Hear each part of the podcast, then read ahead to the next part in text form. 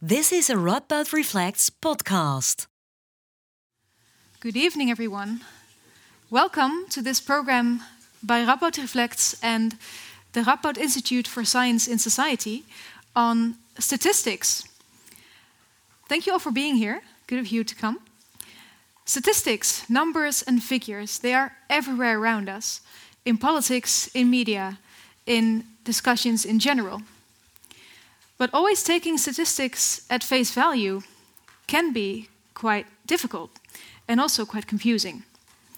For example, what if I were to tell you that um, there is a population of people in a certain area that has been increased by 400%?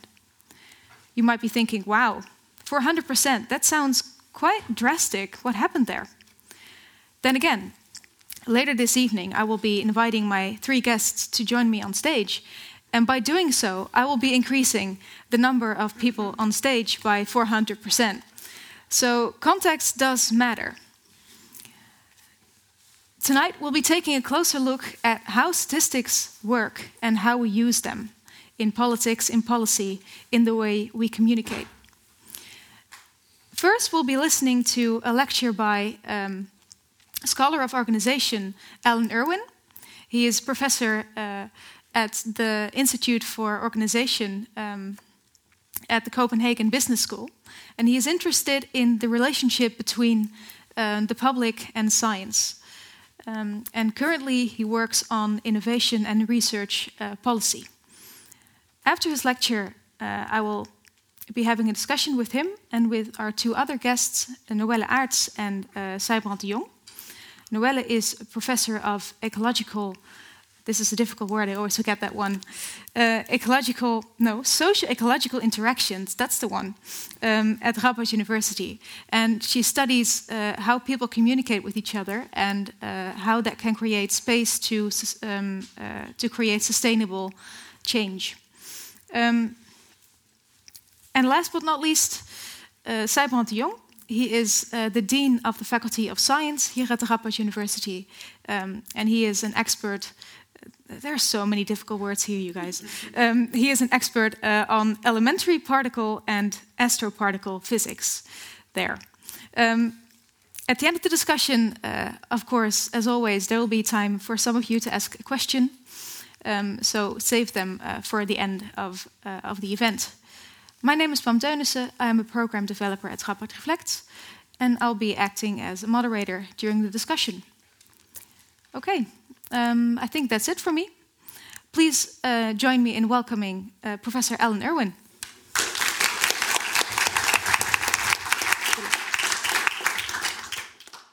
You very much, Pam, and uh, thank you everyone for, for being here. Um, I'm sure there's plenty of things going on in the world on a, Thursday evening, but it's so impressive uh, that so many of you come out for this event. There's a brilliant panel. Uh, we had a little pre discussion a couple of days ago, and Pam was kind of trying to quieten us down at some point because there's a worry that we might have peaked too soon. Uh, but I think I can promise uh, a lively discussion, and I know uh, many friends and colleagues and distinguished uh, visitors are in the room. So I'm really looking forward to this as a discussion. And, well, what am I going to do? There's the uh, title, but basically, I want to do three things. Very simple. I have 25 minutes, and I'm rather confident that Pam will keep me to 25 minutes.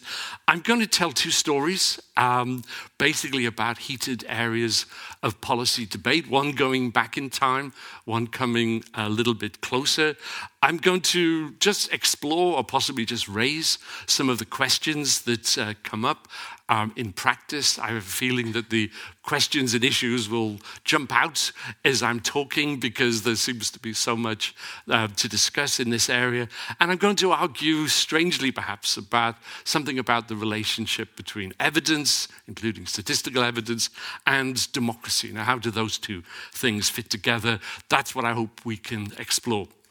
But I'm going to start, as I said, by going back in time, um, all the way actually to 1980. So hardly anyone in the room was born at that time. Well, hardly anyone uh, was born in the room at that time, but I was. Uh, and so back at that time, I was interviewing people around a particular dispute. And I wanted to take a historical example that might seem odd because I'm not really into the rights and wrongs of this particular case. I'm hoping over 40 years later, um, those kind of questions can be put to rest. But I do want to talk about some of the questions and some of the issues that arose in that context. And I want to use that, my first story, is a way of asking some questions, particularly as Pam was suggesting about the relationship between evidence and public groups. So, what was going on in 1980? What is it that I want to, to go back to? Well, a pesticide called 2,4,5-T, and don't worry about the name of it. Some of you will know this name, some of you probably don't. Let's just call it a pesticide. Or actually, it was a herbicide. So, it was a defoliant that was uh, used to clear, for example, agricultural or, or parkland. And this became controversial for a number of reasons. One of them was because of its connection to Agent Orange that was used in the Vietnam War. Some of you may uh, be familiar with that story. But also, generally, evidence was coming out, and that's the theme of this evening, linking this particular herbicide or pesticide to a number of, you know, very tragic effects. I'm talking about birth deformities, miscarriage, and various kinds of cancer. So here we have a situation of a group of people, the National Union, I'll just call them the farm workers, who perhaps understandably, well, I would say very understandably, are anxious because evidence is coming out associating this particular herbicide and other ones too, but I'll just stick with this one, to um, all kinds of health effects.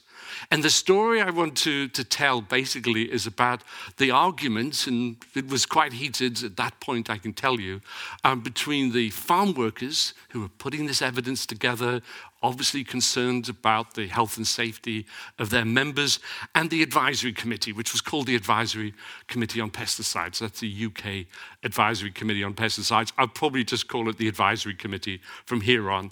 So you see articles like this where the unions were pressing for a ban on this particular um, pesticide. So what was going on in this dispute? What was happening here? Um, well, if you look at the kind of statement that was coming out of the advisory committee at that point, and let's just take it that these are good scientists, well trained people, I'm not suggesting any bad intent or anything like that on their part, you can see this phrase comes out. They say, We shall continue to examine any soundly based new evidence. But the key thing is in bold 2,4,5-T herbicides can safely be used in the recommended way and for the recommended purposes. That was the official advice coming out of that. And you might think, well, that sounds entirely reasonable to say in the recommended way and for the recommended person. And I think the person in the picture is doing that in a very protected kind of fashion. But the farm workers who I was talking to at that point was saying, hey, hey, hey, this is not the reality of how we work. This is not like being in the laboratory. Imagine how it is when you don't even know what you're spraying. You're told there's a can of chemicals here. Will you go and put them over on the second fields along? You know, and what do you do on a hot day? What do you do when you want to go to the loo? What do you do when you want to have your lunch and you're a long way back? These are farm conditions we're talking about, not laboratory conditions. So this phrase, the recommended way and for the recommended purposes, on the one hand, and that's my point, you can see is perfectly logical and indeed reasonable. For the farm workers, it was, well, you know, we're not really satisfied that you are taking account of the conditions in which we live and work. In fact, we think you have a totally unrealistic idea. How did they react to this? Well, back to evidence and statistics again. They compiled what they called a dossier. And this dossier basically consisted of 40 questions. It was distributed in their um, newspaper. 40 questions, and the kinds of things that were being asked were like this. There was a whole bunch of questions. I've just picked uh, a few out here. Have you ever had any of the following symptoms after using weed killers containing 2,4,5-T? Do you suffer from any of the following? Have you or your partner, you can read it, ever had a spontaneous miscarriage? So, what's happening here is people are being asked, on the one hand, have they used this pesticide? And on the other hand, have you had any of these kinds of uh, consequences? And for the union, that then led and so, this kind of statement, which is them now talking back to the advisory committee saying, considering the additional evidence, the existence of alternative weed killers, it becomes absolutely incomprehensible that workers, their families, and the general public can remain subject to the risks for one minute longer. Actually, not one minute longer became the, the label they used as part of this campaign, not one minute longer. The advisory committee, um, consisting, just to keep the story simple, basically of scientists, looked at this dossier, this evidence from the farm workers, and basically said, uh, yeah, this is not science. This is not how you do statistics. This is, it's not surprising that people have birth defects um, or have children, sorry, with birth defects or abnormalities. I mean, these tragedies happen all the time. So their response from, from the Pesticides Committee went like this The reality is that some women who have been in contact with such an agent are likely to miscarry. That was one of the um, t- uh, sources of evidence the farm workers have pointing to, and that some are likely to bear malformed children, but this in itself does not add up to cause and effect. Indeed, statistically, it would be remarkable if families in contact with particular products were spared from these misfortunes. Now, in the real world of the story as it unfolded, um, I don't know what you're thinking. I saw there was a couple of nods um, when I said something about causality, you know, and that, of course, is a perfectly valid argument to say, you know, what is the association between being exposed to this particular um, weed killer or, or, herbicide and consequences? How does that in any way constitute um, evidence? For the farm workers, of course, it was, well, it was really about um, the kind of burden of proof that was required in a case like this. The, in one heated meeting, I wasn't there, but I heard from both sides about it. The farm workers were basically arguing, We have no faith in you as an advisory committee because we do not feel that you're considering the conditions in which we live. And a person from the advisory committee said, Yeah, but if we ban this particular herbicide, you're going to ask us to ban a whole other bunch of herbicides as well. This won't stop. And the farm workers were saying, yes, that's exactly, uh, that's exactly the point. You know, we don't want our members exposed to any level of risk. Now, there's a lot there, and I said it's a story which, to me, can, the fact that I'm speaking about it all these years later, um, raises some really troublesome questions, I, I, have to say. And let me just list, not as questions, but some of the points that occur to me from a, a story like that. One is about the weight of evidence. And, and I mean, it's quite interesting in that case, going back to the main theme of this lecture, that the farm workers didn't simply say, hey, there's lots of other herbicides out there we want this banned uh, because we don't see why any level of risk is appropriate. Instead, they went out and compiled a dossier. And whatever you think of this scientifically is a form of evidence. The fact is that evidence was seen to be required by the farm workers. They were trying to come up with something which they thought, and actually they felt very strongly, was convincing because they thought that was the best way they could possibly make their case. So the fact that evidence is used in that way is already interesting. You might say there are other arguments, ethical arguments, for example, that might have been employed. But no, it was evidence that weighed on both sides of this. One point which we might also discuss is about the burden of proof in a case like that. How much evidence is required in order to ban a pesticide? Um, if you say, well, you need convincing 100% proof, well, okay, fine, that's rigorous and clear, but then you're basically waiting to count a lot of bodies, aren't you, before you get that level of proof, uh, to put it simply. So, is it about the balance of probabilities? That in general, mm, you know, it's like the chances that it's dangerous are greater than the chances that it's uh, not dangerous, which is a criterion that's often used in civil court cases. You know, if you know if you're trying to sue me for some stupid thing I say in this session, you know, it'll be on a balance of probabilities logic. Did I mean that? Did I have evidence? Or, like in a murder trial, should it be proven beyond all reasonable doubt? The union felt that the advisory committee were looking for beyond all reasonable doubt. Their level of evidence was for the farm workers simply unreasonable because of the consequences for their members. There's also, as I stressed in this story, something about, and I said this a couple of times, laboratory conditions versus conditions of practice. I, you know, what happens, and this is familiar, it also came up in arguments about BSE, when people are saying with good intent, well, it's okay for use in the recommended way and for the recommended purposes, when people are saying, but that's not what happens. It isn't used in the recommended way and for the recommended purposes. And you're making assumptions which are simply not doable in practice. Those are not the conditions in which we work, said the farm workers at the time. So, how do you deal with that? You could say, um, as a good colleague, Brian Wynne, has argued, there's a kind of sociology, a very naive sociology going on on both sides about what the real conditions are. But it was very difficult in this context to discuss. Clearly, trust comes into this relationship. For the farm workers, reasonable or unreasonable, this led to a huge loss of trust in the advisory committee, reasonable or unreasonable. And as I said already, I think of members of the advisory committee as people doing their very best um, with all good intentions. But still, in that situation, the farm workers' conclusion was we need some representative body. We need members inside this committee. We don't want to be outside the committee. Trust seems to be essential.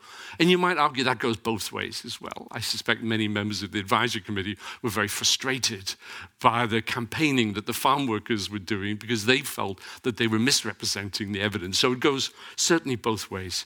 And values, I think, I'm not going to stress that, are extremely important. Now, there's a lot of evidence, a lot of discussion about these kind of challenges. So I'm not trying to act like um, I'm the first person to, to draw attention to this. I just reference one report because it was an extensive literature review, and you can see it up there, talking about the problems of linking science and policy, particularly, and this is characteristic, looking at questions of complexity, uncertainty, ambiguity, and yes, mistrust. But one thing that often comes out, like in the farm workers case, is this question of multiple perspectives. And I think, again, that might be something we want to get into a debate about. Is there basically one truth in a story like the one I just told about 2,4,5-T? Or do we somehow have to weigh up these different ways of understanding? You could say the evidence stays the same, but the ways in which they're interpreted, on the one hand, by the farm workers, on the other hand, by the advisory committee, can be starkly different, leading to actually a very strong breakdown. But before we get into that discussion, I want to use a second case. I won't um, talk about that so much, but it's connected to citizen science. And this interesting phenomenon, uh, which certainly we weren't talking about in 1980, of people, well, let's keep it simple, doing science for themselves. Uh, and many people, um, probably including me, see this as having huge benefits um, in terms of democratizing knowledge. Again, we can talk about what we mean by that, by seeing our people, in that case, like the farm workers, not simply as the recipients of evidence, but also as creators of evidence. However, you evaluate statistically that dossier I was referring to, you have to see that the, the farm workers were trying in some way, a little bit like science, to systematically compile evidence rather than simply making political or ethical arguments. But this also raises questions about the relationship between evidence and policy. And I'm just going to briefly mention a more recent study. This is in the context of, COVID, so not very long ago, and it was led by my colleague Sina Zambak. And Sina and Maja Horst and I have written a paper about this and the cases of citizen data scientists.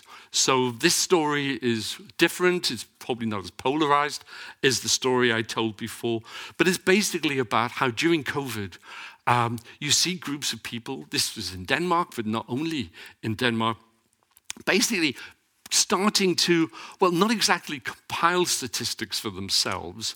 I think what was happening mainly was that they were re representing uh, data. So typically, um, the people we were talking to, these citizen data scientists who often were very sophisticated, I have to say, in terms of their modeling techniques, were taking government evidence and re representing it in ways because they thought basically the government uh, representatives were doing a poor job of putting the evidence across in accessible ways. So there's also about science communication. And what you see in a case like that, and of course, this is very different from the case back in 1980, uh, the use of um, social media, particularly. A lot of this is happening on Twitter, um, which in Denmark is uh, used actually by a lot of journalists and government officials and academics. So this is now going directly into the public domain through a Twitter account and representations, which some of you might recognize. I saw the one on the bottom right. It's actually hard to know where did they come from. Did they come from citizen groups? This graph where they were trying to level out um, the impact of COVID in order to allow a sufficient uh, vaccine supply. But that found itself being reproduced all over the way, all over the place. In other words, blurring the traditional boundaries between the experts over here. I mean, I was doing a bit of that before, wasn't I? The experts on the advisory committee and the farm workers have got the practical experience. Blurring these two things together through social media in a way which, of course, you could say is very appealing, but at the same time raises questions. The kind of thing the citizen data scientists were doing would look like this. So they would be taking statistical evidence and re representing it in those kind of ways. Uh, two of those examples are from Denmark and one's actually from Sweden. But I, I won't dwell on what it's doing, but you can see people thinking very creatively about how do we represent these statistics in a way that um, makes sense or perhaps communicates more clearly, for example, differential risks within society. It was quite hard in Denmark to get data on that. Well, clever people were doing this in a citizen data science fashion rather than as professional scientists.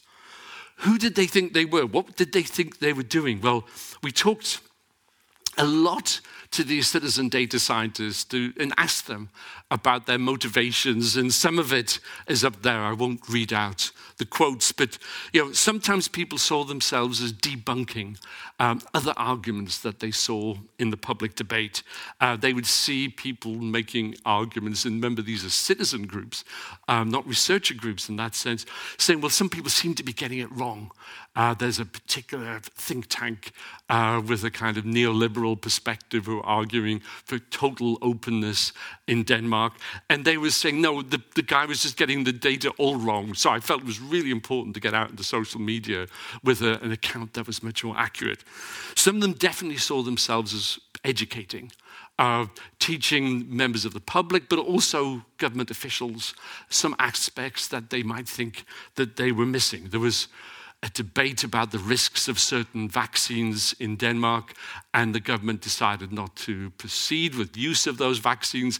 And citizen groups were saying, no, no, don't do that because it's better for young people to have some protection rather than no protection. And here's some data which backs this up. So, better for people to be doing that than waiting uh, for the best vaccine to become available. Some of them talked about anxiety relief. I mean, they, they were anxious, they were worried, and found that by being involved in presenting this kind of data, it gave them the feeling of empowerment, that it was a way of accessing this. I think something similar was probably happening with the farm workers that I talked about before, that rather than simply doing nothing and getting angry, let's do something, and doing something could mean this. But one big discussion, and I guess that's the main point of the debate this evening was about policy influence. If you can read that quote from where you're sitting, I think the person behind that quote is very skeptical of the policy influence they had. But they would regularly talk about that, and there would be some difference between the citizen data scientists. Actually, the ministry at one point, um, after seeing this interview, in fact, with a senior official, went out saying, We thank all the citizen data scientists because you really helped uh, the process. But I know privately, many policymakers found it very difficult. It does raise questions. It raises questions about you know, how are you supposed to, to know what's a reliable source of evidence and what isn't a reliable source of evidence? How are government officials, under obviously extreme pressure in this you know, situation where no one really knew what was going on. Um, how were they supposed to know what was just helpful and what, frankly, they often admitted, the civil servants, could be just frustrating because now the agenda is being driven by a group of citizens or citizen scientists, so to say, rather than by our expert groups. So we have to think about the benefits, but also some of the challenges of the idea that evidence is becoming more, let me call it democratic, that people can access this information.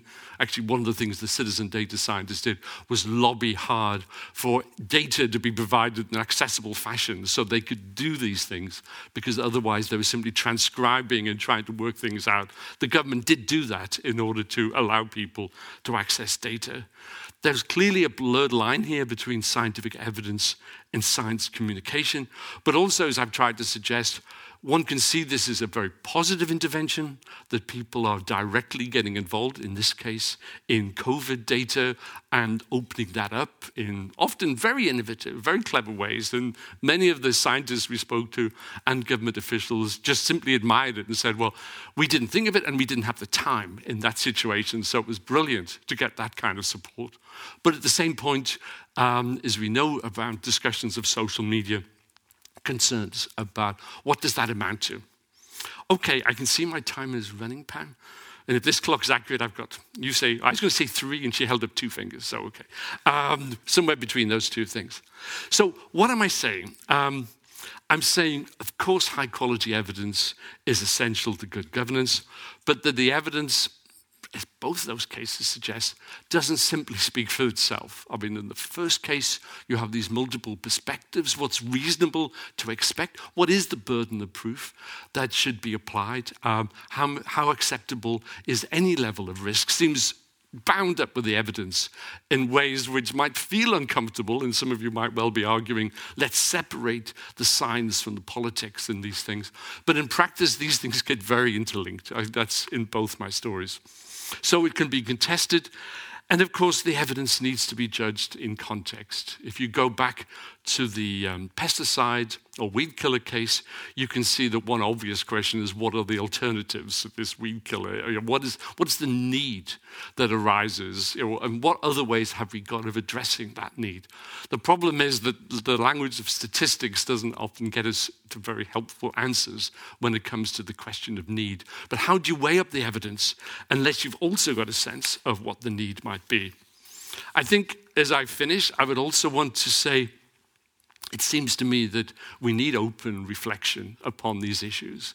Um, I think that's why I wanted to raise the, the farm workers case again, because it seems that you know a lot of the issues, and I just called it fake news, um, that old discussion come about because of precisely a polarization which occurs and an inability when you're locked into a controversy or things are moving very fast, like in the COVID situation, to reflect upon what's happening. I think one of the things the citizen data scientists could do would be to question some of the judgments were being made, for example, about the behavior of young people in Denmark, and say, well, you know, this isn't an evidence statistical thing. This is about, you know, how we're going to, to look after the, the welfare of young people. We need to weigh both these things at the same time, and statistics alone won't answer that. And I think I also want to say that you know, values are unavoidably part of these discussions. Both of them, to me, raise value based questions. Um, you might detect, you know, certainly when, actually, when I was doing those interviews with the farm workers, because I spoke to them first, I was immediately taken uh, with their view and their frustrations. When I spoke to the advisory committee people, I thought, hmm, yeah, I could also see their point of view. The, the, the value question was how do you get people together to discuss those things openly? How can can you create a spirit of critical reflection also after COVID, I have to say, in terms of acknowledging that we get things wrong in those situations and that on all sides we need to learn. And I'm going to finish, this is my last thing, just a nod towards climate change because that's an obvious case I, and I didn't touch upon it. But it's very interesting to me. This is taken from the IPCC. I always want to call it the Interplanetary Commission, it's the intergovernmental. Um, panel on climate change. This is their most recent report. It's the dissemination part of the report. And I picked out these factors, the conditions that enable and conditions that constrain uh, constructive discussion, because you can see when you look at that, evidence is clearly in there, but a lot of the factors, and I'll just leave it uh, hanging there, are as much about governance, they're as much about values, and they're much, as much about what kind of democracy we want to create as they are about statistics. Thank you very much. Thank you.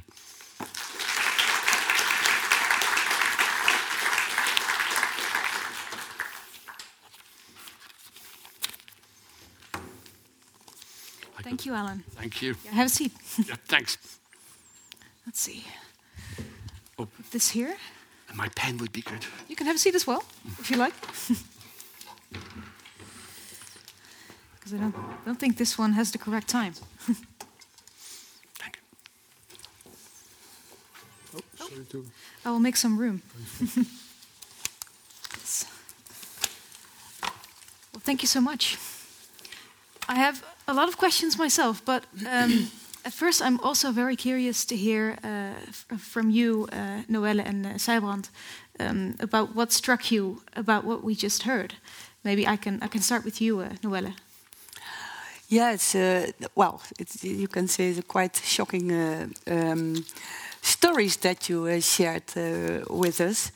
Um, well, and from my um, point of view and from my uh, experience, you know, I, I, I, recognize a lot.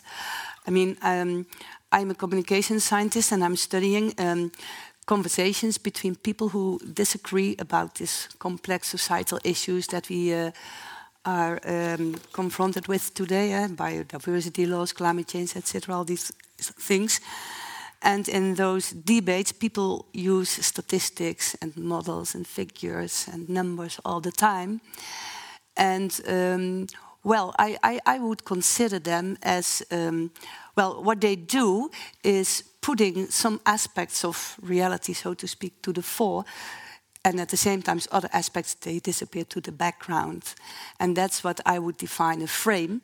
And what we see in those debates is that these frames, including statistics, numbers, figures, are used to persuade others. They are strategically used, not always consciously, but we select aspects from reality. So that's what I see, and that's what I also recognize is that you can have statistics, but you have always statistics who um, uh, prove uh, the contradictory uh, reality, so to speak. So I recognize a lot uh, in your story from my uh, perspective people are very, are very, selective about the kinds of numbers that work for them and that they then can use to sort of frame the reality in the way that suits their own narrative. Exactly, and it seems that uh, numbers, figures, statistics, that they are very, very hard facts, but in fact they are as soft as values, maybe, or maybe even much more softer, I would say. What about you, Sijbrand? Well, the, the, the, the thing that struck me most and thank you very much for your, your lecture. It was very instructive. I, I, must admit that I'm not so shocked by the example because I see so many of them. Yeah. Um, but the, the thing that really struck me uh, was in your conclusion, slide one, uh, on the top line, you said something like heathy debate. and I was wondering if that was deliberate as a superposition of healthy and heated. Oh. I say that. the, the, the L was missing. Oh, okay. So I thought maybe it was by construction. I'll now pretend it was. so yeah, that, well, well, that was the sort of the, the, the one sort of uh, pinpoint thing that, that, that struck me. But then, but maybe content-wise. yeah, well, I thought it, it could have been content. Um, but the content-wise, uh, maybe complementary to what uh, Noelle said. Um, it, it, in, the first case, it was also a case of failing logic, in my in my opinion, to um, not conclusively um, to to have no conclusive evidence that something is there doesn't mean it isn't there. Right? That that that is in statistics. It's not algebra. Okay? If it's in algebra, you can say, mm. well, if it's not if it's not five, it's not five, okay? But uh, in statistics, conclusive evidence that something is not there doesn't mean it's not there. It also it can also mean that you have lack of statistics or, mm-hmm. or somewhere in a, in a gray zone. So um, and and um, and and then of course it, once things are in that sense inconclusive, then the emotion comes in. Like what do you weigh? Is is weighing the the certainty that there's nothing wrong with using it heavier, or is um, uh, saving the crop weighing heavier, or the, the precedence of, uh, of a conclusion. Um, but, but first has to come the recognition that, that an inconclusive study doesn't mean it's not there. But then again, I, I wonder um, in, in the example that you used in the beginning about the, the farmers and, and the pesticides, um, we see both sides on the of the debate um, invoking statistics to, to make their case. Um, instead of, uh, as you mentioned, uh, one of the, um, uh, for example, the farmers invoking ethical reasons mm -hmm. or, or, values or, or, something like that. So, what is it about statistics or numbers and figures that attracts us so much that we basically use them as uh, as as hard facts? Yeah. And it's interesting, isn't it? Because you sort of think, in the case of the farm workers in, in the first story, what if there'd been no evidence? What if the, you know, the, the, the dossier said, no, no, we've had no health problems whatsoever. You know, actually, there are benefits of being exposed to this uh, herbicide. You know, that would be very difficult to handle in that situation because if your argument is actually, you know, one about need or choice or actually about working conditions. I mean, that's the thing beneath everything I was saying, wasn't it? That sense of, you know, we're working in atrocious conditions as, you know, low-paid farm workers. Mm-hmm. They, they weren't talking about big, well, well-organized agriculture. They were talking about, you know, people on the margins, um, possibly migrant workers, etc., etc. So, you know, the counterfactual of, well, what if the evidence had gone differently sort of makes you think, but that probably wasn't you know the main driver there it was how could it be that people are having to work in conditions but the focus became risk you know that was the thing that everyone was talking about is it was purely um, a matter of weighing up relative risks. But you could say that's the tip of the iceberg. You know that's the bit that you see. But yeah. underneath that there are a lot of assumptions. And to answer your question then i suppose somehow there is that idea that if you want to make a good argument, particularly, you know, when you're confronted with scientists mm-hmm. in an advisory committee or whatever, simply saying this isn't fair, you know, we don't like this, uh, our members shouldn't be exposed to, to these kind of working conditions, this isn't going to have much bite with an advisory group. What are they supposed to do about that? These, these, are independent scientists. They're not representatives of the farming industry. So that's really interesting how on people, you know, it seems that, you know, in order to make in that kind of context what is they perceive as a valid argument, they, mm-hmm. they use the language of science. Right. Yeah, exactly. Yeah. yeah. Mm. Yeah, be because what you see in, in, in, in, interactions between people who, who, who disagree, that people uh, construct arguments in order to, to persuade others. And while doing that, they, they will construct arguments of which they think that the opponent finds them important. So there is a lot of contagious behavior in that. So when I think that you find numbers and figures very important, and in our culture we, we do, then people tend to construct uh, their arguments with the help of numbers and figures. Whereas it's, it's, it's a little bit weird because people don't think in numbers or figures or statistics, they think in stories and we immediately make stories out of them. But somewhere, somehow, when uh, we construct arguments, we, we do that because we think others find that important and convincing. Well, except maybe for the, the, the physicist. what would you so, say as a physicist? As, as a physicist, uh, one, one of the things that is happening also in the, in the first story is that it, it seems to be all about one number. The, the statistical evidence in one measure of something being good or bad, and we've already seen that you cannot really tell good from bad uh, unless you set a criterion for yourself, which is completely subjective. Okay? For example, in my field, we say something is evidence, and it's the so-called five sigma evidence. If the probability that it would be random is less than something like 1.4 times 10 to the minus 7. And if this is a too scientific number, it's very small. It's, it's, it's, it's, uh, it's uh, sort of much better than one in a million. Um, and, and so, but we set a scale, and it's, but it's arbitrary. And in other parts of science, people set scales at, at uh, 3 sigma, and then you get to like 0.1%. There's even sciences which puts uh, the, the, limit at 1 sigma. Then you know that uh, in 33% of the cases you're wrong. Uh, but still, in more than half the cases, you're right. Um, so, so that, that is based on, uh, on an agreement, okay? And it's already very difficult to reach that agreement before you do an experiment or before you, you, you look at your data. And um, basically, even among scientists, it becomes impossible to agree on the limit after you looked at the data. Mm.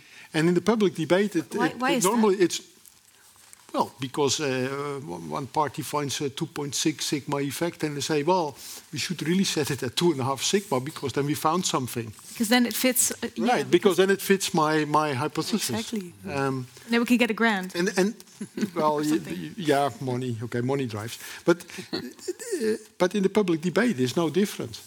Okay, you look at the numbers and you say, well, this is convincing. Say, well, why is it convincing? Well, yeah? And then, then comes some argument, but it's always after mm. looking at the data. Mm -hmm. And uh, then things tend to go horribly wrong, both in science and in uh, mm. society, I'm afraid. And I was talking about beyond all reasonable doubt. But yeah, if, yeah. if, that's the level of beyond all reasonable doubt, you know, what you call the fifth sigma, then, um, you know, you're never going to get that in a case of this sort. It's, no. You know, it's always going to be a weaker sense of you know, balance, I suppose, or trade-offs exactly. or comparisons. Yeah. Mm-hmm. Yes. Yeah. I can imagine that that that sort of um, way of uh, of treating the evidence well by not looking at the data before agreeing on what do we actually count as as evidence beyond all doubt. It doesn't work like that in, in public debate because you, well, you don't have this, this moment before looking at the evidence because mm -hmm. the evidence forms the basis of the debate in the first place. Yeah. I can imagine that that not working. Well, in this case, for example, in, in, in having the, the questionnaire, if they would have set together the, the committee mm. and, and the workers and agreed on a, a set of questions, that would already have been one thing if they then also would have agreed on, okay, what we what do we call sort of, well, maybe not conclusive evidence, but at least some indication. Um, then, then um, okay. That. Now, of course, in that case, one of the parties would have been wrong if you set a sharp criterion like that. And then immediately after that, they would have contested that it was the wrong limit and the wrong questions mm. anyway. Um, but Mm-hmm. Somehow, somehow the debate yeah. seems to me then less blurred. Mm-hmm. But I can imagine, I mean, what you are talking about is about the, uh, the phenomenon of joint fact finding, that people together decide yeah. what yeah. facts do we need now here to make uh, reasonable decisions. But I think I, I, have the impression in this, in, in this debate, there was already a sort of distrust, probably, so there is a sort of damage in the relation, which then uh, ask for a different kind of I mean, then that's exactly that people within their own community, and that's what we see in COVID and we see it in everywhere, that they are constructing their own evidence, so to speak. And then it's used as a sort of weapon in the uh, in the debates. So that's a different situation, and it's hard. Well, that that it's hard to find uh, to come to the point that they that people opponents together decide upon what facts do we need now to prove what. Mm. That's the challenge, I think. But I think out of those sort of stories, like the one I was telling about, the 2,4,5-T has um, definitely been reflection. It was also in that document, the the, the one, uh, the SAPEA thing about uh, making sense of science. You know, a, reflection on well, what do you do in these situations where there are so many uncertainties, and you know, and certainly one recurrent lesson has been about transparency. That you know, for the advisory committee, and they did actually publish their, their their they, findings. they need to be transparent about there being so many uncertainties. Yes, Yep. yes, particularly about that fact. You know, what what's the reasonable thing to do? And COVID, of course, was like this all the way through. I mean, there were so many uncertainties at so many levels, uh, justifiably so. That's the way it is. You know, it's that's that's the way it happens with these things. But to to be transparent, um, and that's back to this trust issue as well, because that means bringing farm workers or you know parents or just general members of society into the discussion. Mm. And it is very interesting when you look at COVID, and I don't know the story in the Netherlands, but I was very attentive to the way it was being handled in Denmark and in the UK, the two countries I know best. You know, I would say in Denmark there was a, at least in the initial stage, a much greater willingness to say, you know, we're doing the best we can. These are the mm-hmm. fundamental uncertainties. Whereas in the UK and other people have experience, particularly of the Netherlands, you know, it was more rule based. You know, do not do this, do not travel. We were talking about before this distance from your home. Whereas in Denmark, it was more, this is the situation. We are very nervous about this thing we're not going to patrol your private life. You know, you have to be reasonable. The police are not going to come into a private party. That's not what the police are here for. But please, so how, I mean, that's a fundamental thing, and that's mm-hmm. back to this question of democracy. So for the advisory committee in the first story, you know, it's a shame that the meeting became so very acrimonious because I've talked to both parties because I think there was some sense. I, I definitely heard farm workers leaders saying, "Well, you know, but the arguments of the scientists, they, you know, they are decent people. They're trying, and certainly some sympathy with the farm workers from the advisory committee. But when it becomes, as you were saying, Noelle, frozen into a conflict, it's really hard to to make those opening up uh, concessions. Yeah, and I, I can also imagine that um, what you said about um, trying to create trust by being open and by being transparent. Yeah. I, I can imagine, though, that there could also be a situation in which, um, if there isn't already trust in you as, as an advisory committee or as, as a policymaker, then being open about it can also have the opposite effect of people thinking, well, they don't know what they're doing either. Why should I follow uh, whatever they, they advise uh, me to do? Yes, that's totally correct.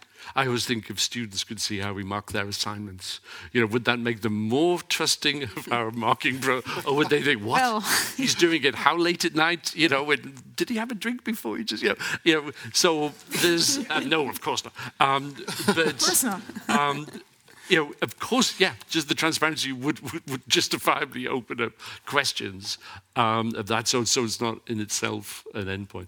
But without that, without that sense of, you know, either I'm I'm sharing information with you, or for good reasons, because sometimes it is like that. I can't share this information with you, but here's why I can't share this information with you. Um, then it's really very difficult to. But now we see we're getting a long way from just the statistical evidence. We're talking a lot about the conditions in which statistical evidence um, can be used in the, in the best way possible. But maybe we should also be uh, uh, transparent about the statistics themselves, because statistical evidence is, is in some sense never conclusive, like we just said. Okay, like uh, in, in this case, to get to the five sigma level, I just calculated you would need uh, 10 to the 13 people to be exposed, uh, and you just It doesn't seem like a good that- idea. that's that's well, that's much more than the world population. so it's it's uh, rather impractical. And how many So- would have to die to. Uh, uh, Yeah, Yeah. a fair fraction. Um, no, so so uh, clearly, uh, but um, uh, to be transparent in the numbers, that also, if, if you if you claim a certain number there, usually one claims an average, you, you also have to say that this comes with an uncertainty, and uh, the margin of uncertainty then determines um, sort of how valuable the piece of evidence is. If there's an enormous margin of uncertainty, then basically weight goes down. Um, if it's, it's very well determined, then weight should go up. Um, but you, you actually never heard in the, in the public debate a number with an uncertainty quoted. Mm-hmm. Absolutely. Would that Well, work? because they are used for strategic reasons. To, so if you do that, then you But would undermine be your my own first arguments. question. Okay, what is your uncertainty on this number? But I'm wondering whether that would work because um, if- I can only speak for myself, but I have managed to avoid any statistics throughout my entire education. Which I don't know what I think about that now, but um, I, I, what I mean to say is that um, statistics isn't a subject in elementary school, for example. So, Well, that's, yeah, that's that's horrible because uh, we should we should uh, educate people to live with uncertainty from the start. fair? Uh, Uh, in, in, in, in life, basically everything is what we call a stochastic. So it's, it's everything is submitted to statistical distributions. There's very little things which are certain, maybe except for mathematics. But we don't we we, we don't But seem not, to but teach not statistics. But we don't seem to teach that to people, at least not from a young which, age. which I find so which I find incomprehensible. what would the world because look like because, if we did because that? it's true. Statistics rule. So, one one big fact of life, and we just don't teach it. It's like So educating people on statistics would that solve um, the, yeah, the problem yeah, of basically yeah. misusing? Yeah, and I, I don't mean like a sort of a detailed uh, statistics, uh, mathematical statistics, but at least educating people on the idea that many things are not just a number, but a number with, a, with an uncertainty. And the basic rules of how, in, in general, mo- most of the uncertainties are approximately Gaussian. There's a, ter- it's a, a mm-hmm. jargon I'm- I'm term, okay? nodding, but- but, it, but, it, but, but most of them behave more or less the same. So if you understand that, okay, if you understand like Uh, if you're one uncertainty away, then you catch sort of 67% of the distribution and 33% is in the tails. And if you go a little bit further out, and you go down to like 5% in the tails or 1%. Or, mm-hmm. um, It's like a if you- spectrum of uncertainty. yeah, yeah. That, that, that idea, that basic idea, okay, will allow you to understand if somebody claims a number with an uncertainty. Mm. How does that deal and it, you know, with the case of COVID, for example, where you know in the early days of COVID we we knew something bad was out there, but I mean there simply wasn't by definition um, any statistical basis for deciding. For example, is it worth closing schools you know, and keeping people? Oh no, no. yeah. So yeah. So it's not like it's not like measuring everything will actually make you be able to decide properly. What would it entail? I mean, educating people uh, from an early age uh, so that they have at least uh, a conception of uh, of an uncertainty principle. Yeah. For example, the the, the figure that the, uh, the the Danish minister showed, Yes, yeah, the, the it's, yeah. it's it's about Flatten two the curve distributions, okay? And if you widen the distribution, the peak goes down, yes. and it helps if you have a, a, a problem with peak load. That, the, and and a single number there would not have told the story.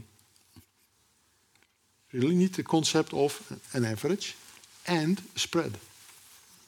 I, I'm, I'm, I can't argue against um, you know people having a, a greater awareness of the uses of statistics. I, I- I think it fits with what I was saying about having an open discussion.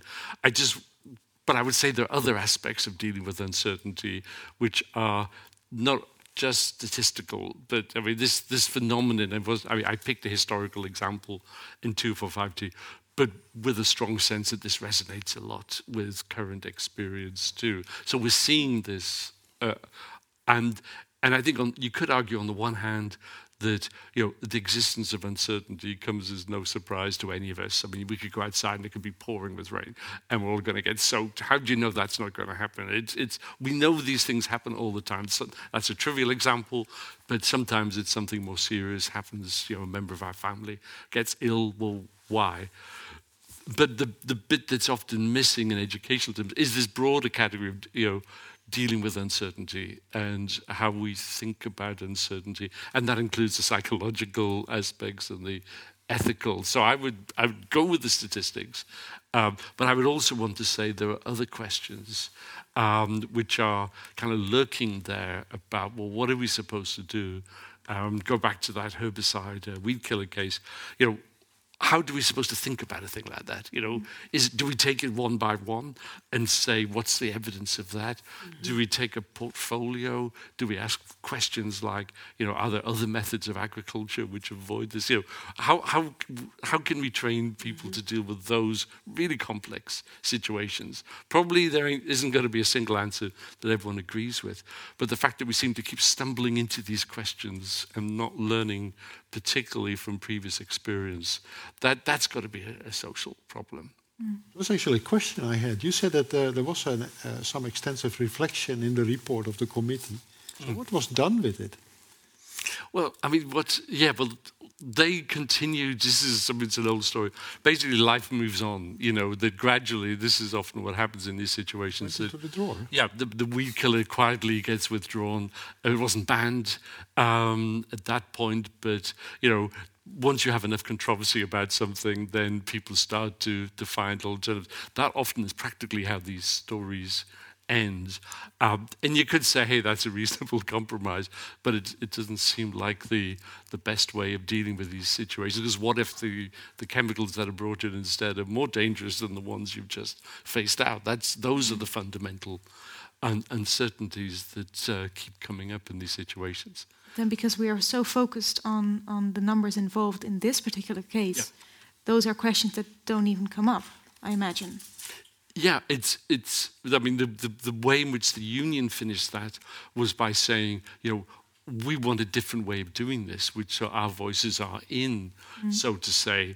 But for the scientists on the advisory committee, that challenged their role very much because they didn't see themselves as a democratic body. They saw themselves as rigorously going through the evidence. Mm-hmm. So, I mean, th- there's been a lot of change, particularly after mad cow disease. I mean, people look at those issues a little differently now.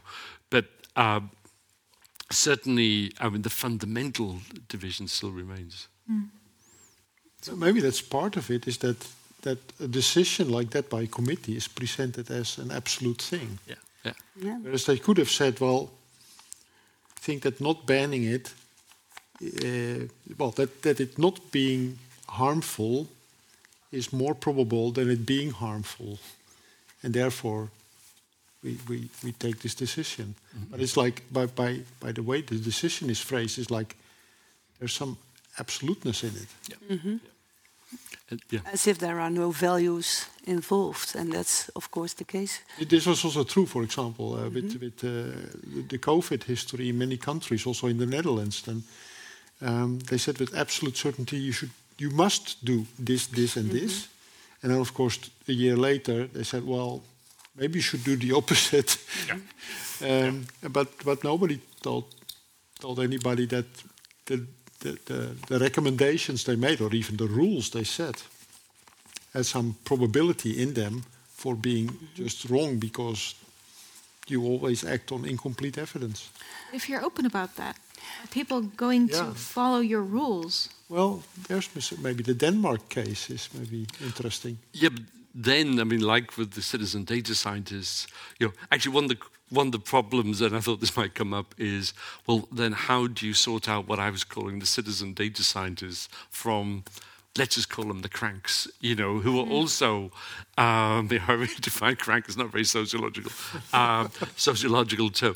And, and, you know, people who, may, who maybe have fallen victim to a lot of misinformation. Who just were coming out with all sorts of, those people were there as well. Probably less in Denmark than you might find in the USA, for example, but they were certainly there too. So that filtering uh, process, the ones we talk to, generally had a sense of themselves as good citizens, you know, that they were doing the, and they did talk, as I showed you, you know, about their own anxieties and trying to get some control and worrying about what was going on. And their way of dealing with that was to do some modeling. Um, obviously, very skilled people. But you know, they saw themselves as you know, because of course this is a country where people know each other by name. It's you know, and the people, the scientists would know, and they would talk about individual people who were tweeting, and so it was rather tight knit in that sense. This community of people who were listening, and of course that's one you might say rather ideal condition. There's When- also a lot of trust as well. when you start from a mm. kind of social consensus, really, around um, we expect to be treated as responsible people, and in return, that's an obligation on us to be responsible, which is kind of how, how it went from the, the Prime Minister. Of course, that's creating a, a sense of shared social collective responsibility um, for ourselves and for others, not the more individualistic thing that I, I might say was the pattern in the UK, putting it that very simply, where you know if people weren't held to account and the police weren't poli- checking what they did, they were likely to do all sorts of crazy stuff. Uh, of course, things did go wrong in the in Denmark, uh, the mink scandal, where many mink were killed, and it turned out that you know. The, Mink- mink? the, there, were, there was a s- there was a big Denmark is a country with many mink farms, That's- and there was an argument that mink were I thought it was a name. no, no, it's not a no, no. It's a, it's an animal. It's, it's Um, an animal. It's communicating. for fur coat. But that was very damaging because in that story, yes, uh, in that story, the government was seen to have gone beyond the law. Wasn't say it did the wrong thing, but it, it went ahead of what the legal advice would be. That was very damaging in terms of trust. Um, that you know, some that something could happen which was not in mm-hmm. accordance with law. It was just taken for granted that that would be the case. Mm-hmm. So that's when the early, very good handling, I would say, became troubled because, well, you know, are you really, you know, are you really representing this in the correct way? Or are you breaking the rules even though you're supposed to be? Once that, that's very corrosive for a sense of trust when you don't believe that people are acting in the, the way that they ought to. I see you of nodding course. a lot, Noelle. Of course, the UK and the Dutch government had a, had a, a, a sour starting point in trust I mean, for all sorts of reasons. yes, yes, we're keeping off uh, Brexit, but uh, you mean around vaccines? No, no the, the, the, in the Yeah. Dutch situation too. Eh? So there were all sorts of scandals uh, piling up. Uh, so Well, just coming back maybe to this idea of educating people to understand or to read uh, statistics. eh? I'm, I'm just wondering. Uh, well, you, you were bringing up the last, uh, I don't know, conclusion on, uh, on on connecting to values and policy, policies, these kind of things, and I'm just thinking of a research of uh, Imke de Boer, is a uh, scientist from Wageningen, an animal scientist, and she did a study um, um, to uh, different approaches to agriculture. Um, just uh, agri- how can we uh, organize a sustainable agriculture for the future? And there were three scenarios. One is uh, the in, uh, uh, improving intensive agriculture, um, or uh, trying to develop a circular agriculture, or even bio- biological. intensive agri- agriculture being like big Like farms. like- upscaling, even more upscaling by means of innovation, eh, technolo- technological innovation. And those three uh, lines of thinking, they have been uh, developed with the help of a lot of statistics, models, figures, numbers, etc. And they have been published in quite uh, um, sky-high um, journals. So that's an interesting thing, but they are, in fact, they are contradictory. So you can you can uh, educate yourself in statistics, but you won't um, you won't uh, be able to have a, an, an, an, uh, constructive dis- dialogue about it when you don't involve values. Then, because I think then statistics they really fall short in order to decide what to do. How do you conclude they're contradictory? Well, um, those three uh, approaches they, they they- they are sort of uh, excluding each other. You could say. Right, so if one That's is the true, way they the are other one cannot be presented. This is uh, the, the, this is the solution, or this is they are they are presented in terms of or or. But it wasn't exactly clear um, from from the numbers that were used which one was the best. uh, no, they were not in that sense compared, but it's that people just use the, the statistics in order to promote a specific approach. So you can then, let's say, fight or discuss the statistics with what statistics are more true than the others. but do you think that's still useful then? So the statistics hijack the No, but I- discussion, basically. Yeah, Yes, I- that's I what they still want do. To pull this into scientific, okay? So if if these conclusions had included an uncertainty, and if then uh, sort of with large margin outside of these uh, uncertainties they would have been uh, contradicting each other, then somebody, more likely everybody, would have made major mistakes. And then so then the research is flawed. But you, So, yeah, so now it's taken as if the research is uh, an absolute value. You have three results which are contradicting each other, and and you say they they are presented as all equally true. Well, they could be if they are sort of uh, statistically inconclusive and overlapping in in that sense, or it could be that one or two or three are just wrong.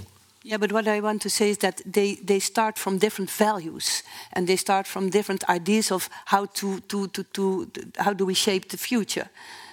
And that should then be, I think, uh, the point of discussion and not which statistics are true or better than others. of course, if you That's what I mean. three incomparable and that's what often doesn't, and eh, the- the- most of the time people stay defending the, the, the numbers and the figures, etc.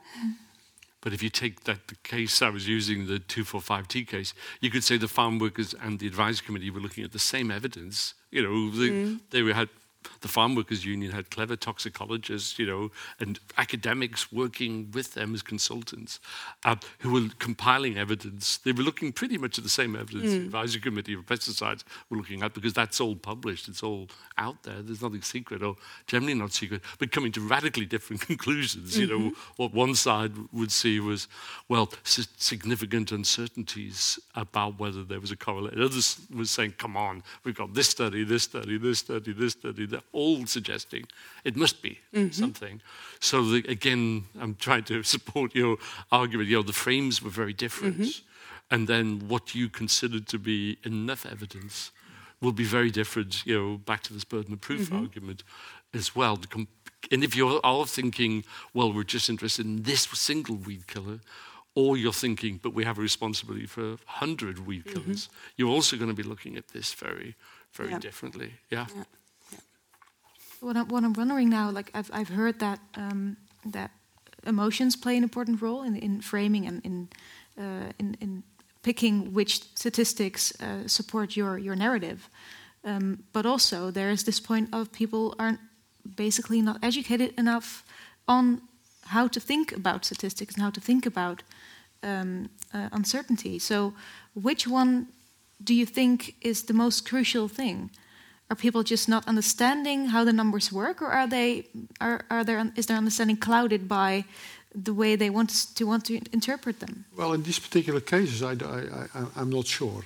But if I, if I connect it to another um, topic brought up, as citizen science, then I, I think citizen science is clearly the case for better statistical education.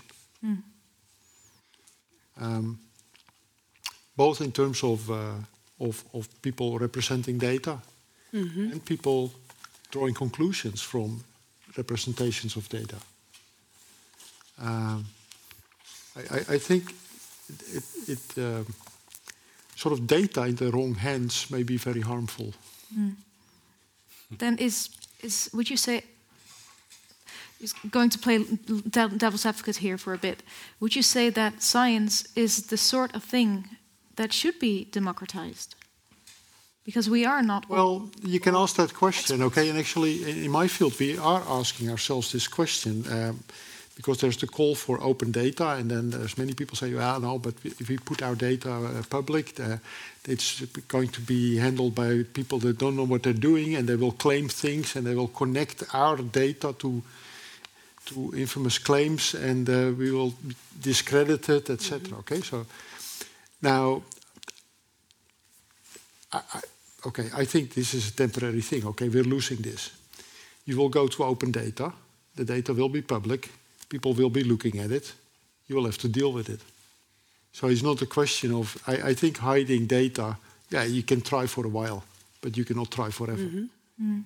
So you will have to deal with the fact that everybody can look at your data at some point. Willem is not agreeing, but uh, but I, I, I, fear so. But uh, but that, that's not necessarily bad because it has very good no. sides. Yeah. And the, the good sides will be more amplified if some significant body of people have some basic competences to look at it. That's the democratic effect. If the bulk of the people is unable to know what from what, okay, then you get all sorts of bubbles with all sorts of wrong conclusions. If the majority would be able to uh, make sort of a corrective move, then you're in good shape. Mm. So it's so it's about educating the bulk in some basics. What do you think about educating the scientists? You know, because you could. Yeah, no. So there's also there's also. Now we're getting into the, the discussion. Yes. You know, yes. because you could say, you know, yeah, the farm workers, you know, I, I, you know, might think about that dossier, and perhaps they might have had more help um, with that. But the advisory committee also had a lot to learn. I think they did learn a lot, you know, and and and I think the more thoughtful of them. I'm sure some of them thought, "Are oh, they just being emotional?" You know, this is, you know, they're they're, they're engaging in political tactics. This is kind of corrupting the, the sensible discussion. I'm sure some of them thought that. But I, have spoken to many who said, oh, you know, it made us think a lot about mm-hmm. our responsibility and the way we're doing our jobs and you know whether we're we're listening enough and this thing about the recommended way and for the recommended purposes you know well if you if people are telling you that that isn't what actually happens in the recommended way, you know, is it then ethical to continue to to say such a thing? You know, because you, you could say that that's a very dangerous thing. It's mm. you know, if you can, if there's clear evidence that that isn't what happens, mm. then it doesn't seem a very responsible, I put it you know, to the debate, position to take to keep insisting it ought to be like that. Sometimes you just have to recognize, well, you know, the world isn't the way we might want it to be, and it's irresponsible to keep acting.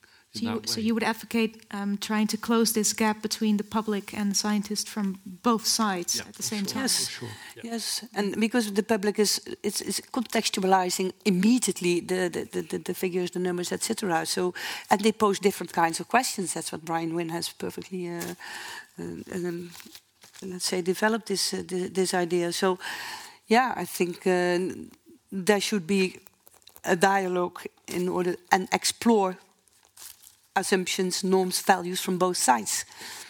Absolutely. Mm -hmm. And you can see that happening in some places. I've actually uh, I I gave that example to advisory committee members, you know, ten years or so later, and expected a conflict yeah. with them, and and and they said no, no, we this is you know they wanted to hear. Um, so you can certainly see people in these positions, at least willing to, to debate. Mm-hmm. But the worry would be, I suppose, when, you know, precisely when um, advisory committee members, in this case, you know, try to stick too rigidly to, to their own worldview mm. without acknowledging that there are legitimate other questions and the, the line around that yeah. around the statistical evidence yeah. or whatever is is not as firm as they might yeah. like to believe i mean that's i think then you get into this situation of apparently um, being more clear cut than is reasonable to be given the, the nature of the evidence I'd like to pose one more last question um, before opening the floor for, for you guys to ask questions. Um, so, do we need to would you say do we need to learn to use numbers in a better way? Or do we need to learn to to focus less on numbers when we communicate with each other? I mean when normally yeah, when people use numbers in in and also scientists when they use numbers and figures in, in, in, in public debates i mean they don't talk so much about the numbers and the figures I mean, you can talk about the temperature in this room, for instance. It could be 20, 21 degrees or whatsoever. That's not in itself very interesting to talk about. Mm. It becomes interesting when you add value to that, when you say it's too cold or it's too warm, and who is thinking what and why, and what should we do then? And this is what we are talking about most of the time when we are we use numbers to talk about other things. So I think uh, about values, in fact. So I think we should try to become very explicit about mm. values, norms, assumptions, fears, probably because we very easily say, "Hey, we have the ratio and they have the emotions," and I think that's also very dangerous when you want to create distrust then you should say to the people, hey, you have the emotions and we have the mm. ratio, because that's absolutely a wrong uh, contradiction, I would say. Yeah, so maybe also recognize that um, values are at play on both sides of absolutely, and emotions as well. Mm. Okay. I think that's. it. I must admit that I'm very physicist-like. My, my mother says it's warm in the room. Okay, I'm uh, going to look on the on the scale and say, no, it's it's 21 degrees. It's not warm. you just imagine that. That's quite warm, 21. Wow. I mean, you can say, hey, yeah. I'd say. Yeah. I think a lot of it, you, you know. should contextualize that. now we are very much talking about values. I think also, I mean, there is something very beneficial in knowing where the numbers come from and how the numbers are generated. I think, mm. you know, on that, you know, just last time on that particular case, possibly, you know, what is the basis of these, you know, of the evidence? Well, that's animal data, it's epidemiological data, you know, it's statistical extrapolations, you know, from some kind of uh, laboratory testing. So I've, I think it's extremely helpful to have the numbers, but also to say, this is how we do this, you know, mm. and because often that's, you know, fascinated people. Oh, you know, so you, are basically trying to, you know, get figures like how many deaths are likely to follow on the basis of just that amount of evidence. That's yeah, but that's what we got. You know, mm. this is how it happens. This is the kind of data, messy and untidy and unconvincing as it is, and that's very revelatory. So it's not just the statistic itself. It's well, you know, the process how did you, behind how did you get well. that? What what's, what assumptions have been built into it? That's you know that's where I'll, I'll join you. As, as long as we can you know explain where the statistics come from and their basis, because sometimes that, people are very shocked to see that mm. that it's you know rather limited evidence and, and by definition circumstantial. I'd like to thank you very much for coming and for your questions and your attention. Um, and of course, I'd like to thank you for, uh, for your lecture, for your contributions during, uh, during the discussion. Um, and uh, maybe see you next time uh, with Radboud Reflects. So please give a warm applause to our speakers.